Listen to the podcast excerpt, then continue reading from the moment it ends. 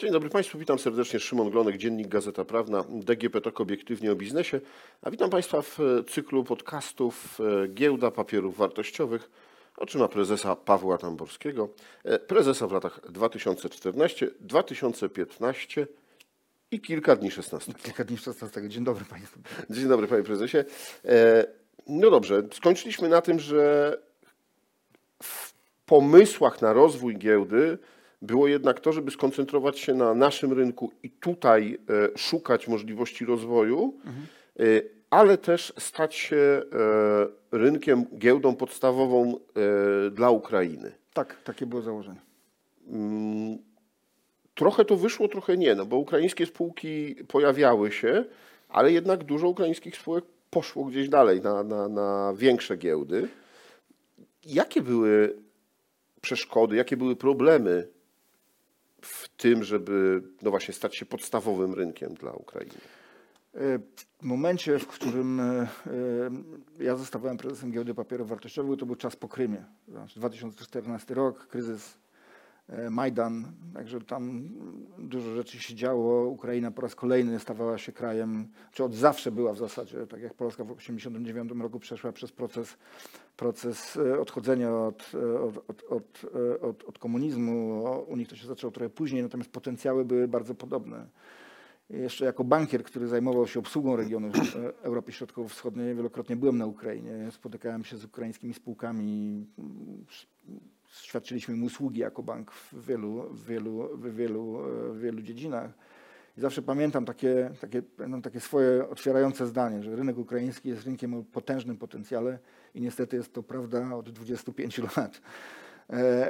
Tak było również w roku 2014, gdzie była, była taka atmosfera jakby fokusu takiego na Ukrainie. Pamiętam, uczestniczyłem jako prezes giełdy w takiej konferencji w Kijowie, gdzie no była taka atmosfera, ja to trochę porównywałem może z pewną przesadą do tego, co się działo w Polsce na początku lat 90. Mnóstwo międzynarodowych instytucji, które były zainteresowane tym, żeby Ukrainę wspierać od strony ekonomicznej, od strony jakby, jakby reform również. E, Także to była taka szansa, którą myśmy wtedy widzieli w tym, żeby ok, to jest ten moment dla giełdy w Warszawie, żeby potwierdzić swoją rolę rynku, podstawowego rynku dla spółek ukraińskich. Już wówczas mieliśmy kilka spółek notowanych e, na giełdzie papierów wartościowych w Warszawie, w tym również kilka takich spółek o takim zasięgu, można powiedzieć, europejskim czy nawet globalnym. Także te sukcesy w przyciąganiu tych spółek na giełdę papierów wartościowych w Warszawie jakby mieliśmy. I to była duża zasługa i giełdy, duża zasługa przede wszystkim, myślę, banków inwestycyjnych, no i do pewnego stopnia również Skarbu Państwa. Sam jako minister również jeździłem do Kijowa i do Lwowa. Uczestniczyłem w różnego rodzaju inicjatywach takich promujących polski rynek kapitałowy. E, Wówczas jako prezes Giełdy Papierów Wartościowych zostałem zaproszony do, takiej, do takiego grona e, doradczego i jako taki zespół doradczy świadczyliśmy swoimi radami e, ówczesnemu ministrowi rozwoju gospodarczego Ukrainy właśnie w zakresie nadzoru właścicielskiego i właśnie w zakresie prywatyzacji. To się niestety nie udało ze względów, jakby te, ten, ten plan reform, który wtedy został, został przygotowany przy jakimś drobnym udziale również giełdy papierów wartościowych w Warszawie jako doradców, no jakby no nie został efektywnie, e, efektywnie e, zrealizowany, ale to już jest kwestia jakby no raczej jakby różnego rodzaju zawirowań politycznych. Natomiast giełda papierów wartościowych w Warszawie, czy polski rynek był ciekawy dla spółek ukraińskich z tego względu, że jednak tutaj było dużo pieniędzy, dużo kapitału takiego, który i polskiego, i również międzynarodowego, który no, był zainteresowany tą ekspozycją na, e, na, na, na, na inwestycje w ukraińską gospodarkę i traktował polski rynek kapitałowy jako rynek, jako platformę bezpieczną dla, dla, prowadzenia, e, dla prowadzenia e, tego typu inwestycji. Myśmy prowadzili szereg rozmów i z, na giełdzie, na, w Kijowie nie ma jednej giełdy, tam jest kilka, kilka tego typu. Nawet jako giełda papierów wartościowych mieliśmy udziały w jednej, w jednej z tych platform. Natomiast tam nie ma jednego rynku takiego, który, że tak powiem, byłby taki dominujący jak giełda papierów wartościowych w Warszawie dla Warszawy, dla Polski jakby. E, Prowadziliśmy konsultacje i z nadzorem ukraińskim. Oczywiście tam również są lokalne ambicje stworzenia jakby rynku giełdy papierów wartościowych, krótko mówiąc, w Kijowie. E, Natomiast no dzisiaj, że tak powiem, to jest temat, który jak na razie nie jest niestety aktualny. No. E, Dobrze, no wróćmy do takiego e, zarządzania, administrowania giełdą, bo to jest e, chyba najważniejszy element pracy codziennej prezesa giełdy. Zmienił pan decyzję swojego poprzednika. E, Odszedł od tego, żeby WIG30 był tym głównym e, indeksem. Powrócił pan do WIG-u 20. Dlaczego? To była kwestia analizy rynkowej.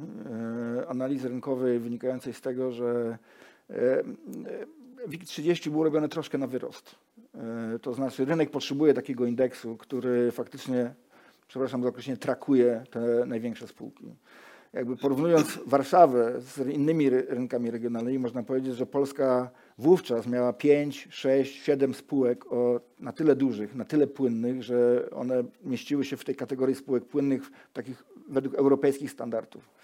W związku z tym od tych 5-7 spółek do 30 no jest jakby potężny, potężny dystans. W związku z tym jakby, jakby w oparciu o analizy, które wów- wówczas prowadziliśmy, uznaliśmy, że rynek oczekuje jednak takiego indeksu, który w większym stopniu będzie jednak e, trakował te największe, te najbardziej płynne spółki. No i okazało się, że jakby bardziej efektywnym jest w tym przypadku instrument, który się nazywa WIG20 niż WIG30. E, Myśmy utrzymali WIG30, także do dzisiaj jest liczony. Do dzisiaj na podstawie WIG-u 30 są, e, są emitowane instrumenty pochodne. Także e, mam nadzieję, że za czas jakiś ten WIG30 wypełni swoje zadanie. Natomiast wtedy była taka decyzja, że bardziej efektywnym jest jednak ten WIG20. E, No dobrze, to przejdźmy teraz do strategii, do tego, jak giełda ma się rozwijać. Oparliście ją o sześć punktów. Pamięta pan? Jak Wszystkich nie, ale pamiętam te kolumny, które Wiesław Rozłucki, który wówczas był przewodniczącym Rady Giełdy, mówi, że zawsze się tworzy te kolumny i tą grecką, grecką świątynię. Natomiast jakby to, co mi przyświecało jako prezesowi giełdy, to, to jednak jakby powrót, powrót, powrót giełdy w większym stopniu na rynek. Jakby. Okazywało się, że, że Giełda ma, miała na tyle i ma w dalszym ciągu na tyle jakby istotną pozycję e, na rynku, że miałem wrażenie czasami, że ludzie pracujący na giełdzie jakby mm, poddawali się takiemu wrażeniu, że niespecjalnie trzeba się starać o rynek.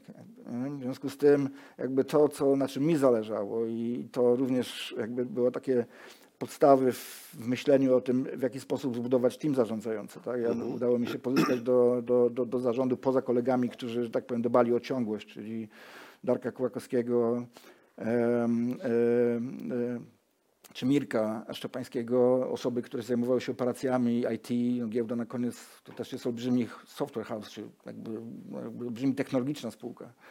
Ta technologia ma potężne, olbrzymie znaczenie, ale jakby udało mi się pozyskać wtedy do zarządu również dwie osoby z rynku, jakby takiego, jakby tego mojego, takiego bankowego, czyli Grzegorza Zawadę, który odpowiadał za właśnie strategię, za rozwój, e, e, rozwój rynków jako takich, no i Karola Półtoraka, który odpowiadał za finanse i jakby on, że tak powiem, zajmował się całym olbrzymim projektem restrukturyzacji grupy kapitałowej, dbania o to, żebyśmy, że tak powiem, zadbali również o koszty. Po to, Tak, wyniki finansowe i koszty były w tym czasie mm, bardzo pozytywne, ale mm, jeśli, o ten, e, jeśli o ten plan rozwoju, Tak. to ja poproszę o komentarz, bo tak wypisałem sobie. E, Rozwój rynku finansowego, czyli e, płynność rynku akcji. Płynność, płynność, płynność. To jest to, o czym wspomniałem chwilę temu. No, czyli siła rynku bierze się z tego, jak duży kapitał jest, e, jest zainteresowany funkcjonowaniem na danym rynku. W związku z tym zależało nam na tym, aby angażowaliśmy się w takie duże inicjatywy polegające na tym, żeby jednak przyciągać olbrzymie fundusze, duże fundusze międzynarodowe do tego, żeby, że tak powiem, były zainteresowane inwestowaniem w polskie aktywa, czy w aktywa notowane na giełdzie papierów wartościowych w Warszawie, bo to mówimy o spółkach ukraińskich również. Nie? Także to była taka potężna inicjatywa. Elementem tej inicjatywy była również kwestia jednak dbałości o to, żeby duże, duże banki inwestycyjne były zainteresowane byciem uczestnikiem, byciem członkiem giełdy papierów wartościowych w Warszawie. To była jakby kolejna Druga, druga, druga kolumna no to właśnie rozwój rynku instrumentów pochodnych. To jest jakby, jest rynek podstawowy, w naturalny sposób jest rynek pochodny i to się no, jedno, jedno z drugiego wynika i to musi być równolegle rozwijane. Oczywiście są rynki takie, gdzie ten rynek pochodny zdecydowanie przeważa, że tak powiem, jeżeli chodzi o wolumeny na przykład e, realizowanych transakcji nad, nad tym rynkiem podstawowym, natomiast dla inwestorów, szczególnie tych inwestorów profesjonalnych, funkcjonowanie tych rynków znaczy od, na odpowiednim poziomie jest niesłychanie istotne po to, to w zasadzie można powiedzieć, takie warunki muszą obie rzeczy kliknąć naraz, żeby duży fundusz międzynarodowy był zainteresowany tym, żeby e, inwestować w Polsce, otwierać pozycje tutaj, hedżować się e, instrumentami pochodnymi, które są notowane na, giełda, na, na, gie- na, na, na, na naszym parkiecie. Także to są jakby dwie takie inicjatywy, które się jakby uzupełniają. Trzecia kolumna, dołóżmy, y, rozwój rynku długu. To jest e, rzecz, na której nam bardzo wtedy zależało. To był taki moment, kiedy giełda papierów wartościowych obsługiwała kilka platform. W ramach rynków obsługiwanych przez giełdę było chyba cztery rynki, e, które zajmowały się obligacjami. E, I, były, I to była taka sytuacja, gdzie to było nietransparentne. Myśmy nawet sami czasami nie rozumieli, co jest, co decyduje, że jakiś papier wartościowy trafia na ten czy inny, na ten czy inny rynek. Część tych rynków była prowadzona bezpośrednio przez, przez giełdę, część tych rynków była prowadzona przez Bondspot, czyli spółkę zależną od giełdy papierów wartościowych w Warszawie i nam zależało na tym, żeby to jednak ujednolicić, żeby to było robione, że tak powiem, pod jednym, pod jednym dachem. E, e, bo jeszcze raz uważaliśmy, że jakby na koniec liczy się płynność, czyli jakby nie możemy tej płynności, która na mojej ocenie nawet dzisiaj pewnie nie jest jakby jeszcze taka spełniająca jakby te oczekiwania, które mieliśmy wówczas, e, żeby jakby nie dzielić tego na, te, na, te, na, tych kilka, na tych kilka platform, żeby to jednak skoncentrować razem. A na koniec to jest kwestia również kosztów. Jakby. E, Czwarta kolumna, rozwój rynku towarowego. To była taka inicjatywa i myślę, że dalej jest bardzo ważna, czyli, e, czyli postawienie bardzo mocno akcentu na rozwój rynku e, towarowego. W naturalny sposób myśmy odziedziczyli, e, znaczy wówczas w grupie kapitałowej była świetnie funkcjonująca giełda energii, towarowa giełda energii i na tej bazie dzięki decyzjom administracyjnym na koniec, tak, jakby ten rynek się, się wówczas świetnie rozwijał, kontrybuował w bardzo istotny sposób do wyniku finansowego grupy kapitałowej giełdy. Na tej platformie, na tych doświadczeniach staraliśmy się wtedy myśleć o, o, nowych, e, o, o nowych rynkach, na których mogliśmy funkcjonować, czyli na przykład rynki rolne, co już było trudne, bo dzisiaj duzi polscy traderzy handlujący zbożem i nawozami na przykład jakby no, są aktywnymi graczami na, na rynkach europejskich. Jakby. W związku z tym jakby stworzenie, tutaj trochę, trochę byliśmy spóźnieni, powiem szczerze, natomiast to była taka inicjatywa, pamiętam, Trochę to ile lat pan ocenia, że to powinno się wydarzyć wcześniej? no to się powinno wydarzyć, myślę, no, jakby dobre pytanie, ale z dzisiejszej perspektywy, no to jest pewnie byliśmy w 2015, myślę, że byliśmy pewnie z 10 lat, myślę, myślę spóźnieni wówczas, ale to Czy w momencie, w momencie wyjścia, wejścia do Unii Europejskiej ten rynek już powinien... myślę, że to był, że to być może byłaby, że to był dobry moment, byłby dobry moment na to, żeby o tym myśleć, jakby, nie? żeby...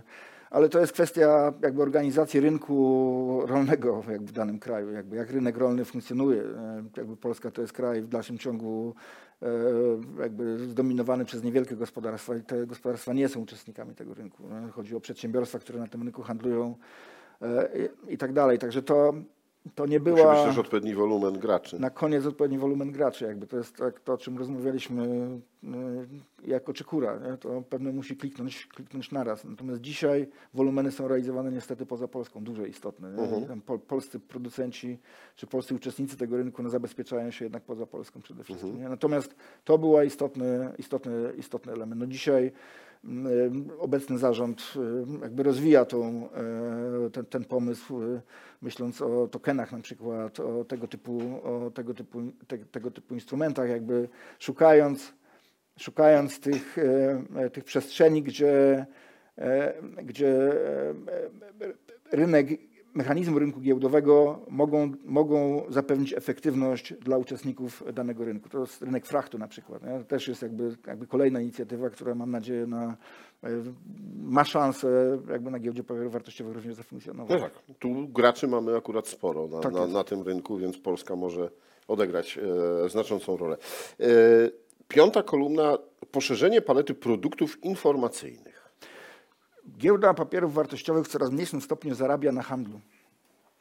W związku z tym to, to na czym nam bardzo zależało, to na tym, żeby a jakby zarabia na, znaczy, zarabia na handlu, zarabia coraz mniej na handlu niestety, bo jest duża presja na obniżanie, na obniżanie opłat.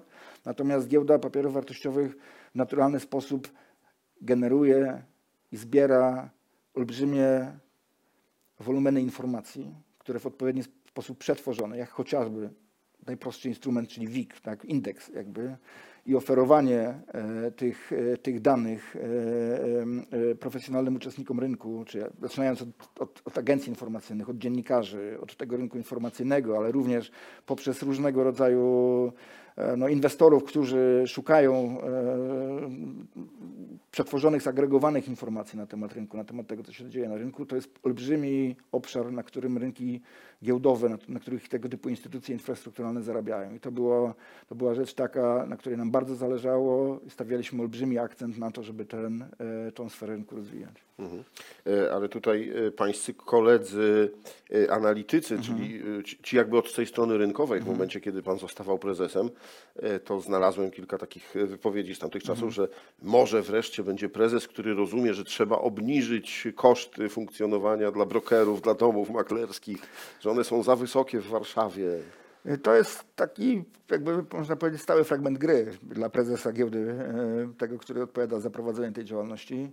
To jest instytucja infrastrukturalna, to jest instytucja taka, która musi dbać o to, żeby, żeby no była atrakcyjna dla operatorów. Ta atrakcyjność to jest również kwestia kosztów funkcjonowania na tym rynku. Natomiast z drugiej strony to jest instytucja, która ma akcjonariuszy i musi dbać również o interes tych, e, tych akcjonariuszy. W związku z tym zawsze to jest kwestia jakiegoś balansu jednak i próby wyważenia tego, co jeszcze z tych biednych brokerów można wycisnąć. E, A to nie chodzi tylko o proste wyciskanie, ale to jest również kwestia budowania pewnej bazy no, kapitałowej, krótko mówiąc na koniec, dzięki której można finansować e, nowe, nowe, nowe pomysły, nowe, e, nowe, nowe inicjatywy rozwojowe, chociażby nie wiem, rozwój systemu transakcyjnego, tak? no bo to tutaj jakby e, to nie są tanie rzeczy. Te platformy się dynamicznie rozwijają, konkurencja, że tak powiem, nie zasypuje gruszek w popiele, w związku z tym jakby no, giełda musi dbać o to, żeby mieć amunicję w postaci kapitału, również na tego typu inicjatywy.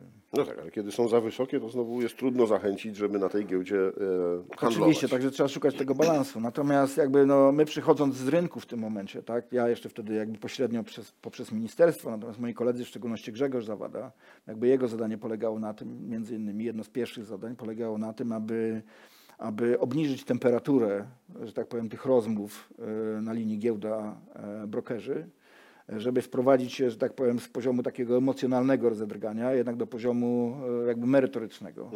I to się w dużym stopniu udało osiągnąć. Jakby. Myślę, że tutaj, e, je- jeżeli dzisiaj spytać pewnie brokerów o swoje prehistoria, natomiast o tamten czas, no to myślę, że, że, e, że chyba by to, my- myślę, potwierdzili tą moją ocenę, że udało się wtedy jednak jakby zejść na ten poziom takiej jakby stricte profesjonalnej rozmowy. E, Szóstym filarem nie udało mi się go znaleźć tak bardzo e, sprecyzowanego, ale e, wydaje mi się, że mógłbym go nazwać e, otwarcie nowych segmentów biznesu w oparciu o kompetencje giełdy. Tak, to, były, to była kwestia jakby myślenia o tym, jakby do czego giełdy papierów wartościowych jeszcze można jako platformę można wykorzystać. Nasze kompetencje to jest jednak jakby tworzenie jakby platformy, na której spotyka się popyt i podaż. To jest platforma, która e, ma doświadczenie i potrafi e, zbierać mega wielkie zasoby informacji i potrafi je, że tak powiem, przetwarzać. E, I w związku z tym chodziło o to, żeby zastanawiać się, w jaki sposób nasze kompetencje jesteśmy w stanie, e, w stanie wykorzystywać e, w, w, w innych segmentach. Takim pomysłem było chociażby pomysł, który odziedziczyłem po, po swoim poprzedniku, czyli na przykład agencja ratingowa. Myśmy wtedy szukali partnera, bo uznaliśmy, że, że E, Jasne, że giełda ma, ma klientów, czyli tych, którzy są zainteresowani ratingiem, czy samo notowanie na giełdzie jest jakiego rodzaju, pośrednio jest jakimś rodzajem ra- ratingu. Natomiast z drugiej strony chodziło o to, żeby jednak dla potrzeb instrumentów, e, instrumentów dłużnych jakby przygotowywać takie ratingi, które też element inicjatywy polegającej na rozwoju rynku, e, rynku długu, żeby ten ratingi były, ten rating był dostępny. E, Myśmy wtedy szukali partnera takiego, uznaliśmy, że to jest bardzo dobry pomysł z punktu widzenia jakby rynku, natomiast niekoniecznie dla giełdy, która nic to nizowym pakuje się trochę w swego rodzaju jakby sytuację nawet konfliktu interesu, można powiedzieć. Nie? To była kwestia, e, kwestia chociażby przejęcia, e, przejęcia instytucji, która wyliczała WIBOR na przykład. To myśmy podjęli rozmowy z, z traderami, z organizacją traderów, która, że tak powiem, ten, te stawki wyliczała. No bo to też była kompetencja taka, na której jakby giełda w naturalny sposób się znała, czyli zbieranie informacji z rynku i na tej podstawie jakby wyliczanie jakichś tam zagregowanych, e, zagregowanych e, e, wielkości jakiegoś rodzaju indeksu. Nie? To były tego typu inicjatywy. E, Jak pan ocenia z dzisiejszej perspektywy tą e, strategię? Znaczy, myślę, że najlepszą oceną dla tej strategii jest to, że w zasadzie kolejni prezesi e, jakby w zasadzie przyjęli ją do realizacji. Jakby tam nie było wielkich modyfikacji. W ostatnim czasie e, prezes Dietl, ale to już jest ileś lat upłynęło, jakby w naturalny sposób musiała się pojawić jakby nowe myślenie, musiało się pojawić nowe myślenie o tym jakby kierunku strategicznym.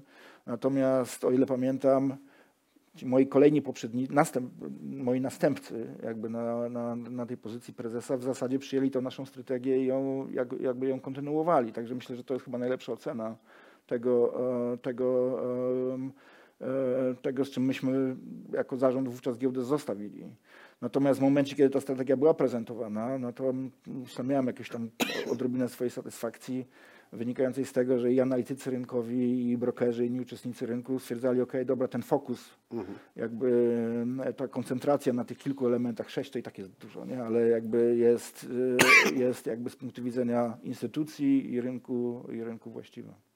E, To e, w tym momencie postawmy kropkę, a na koniec porozmawiamy o różnych wydarzeniach w następnym odcinku, które miały tak trochę show biznesowy charakter, no ale wpływały na giełdę. Oczywiście.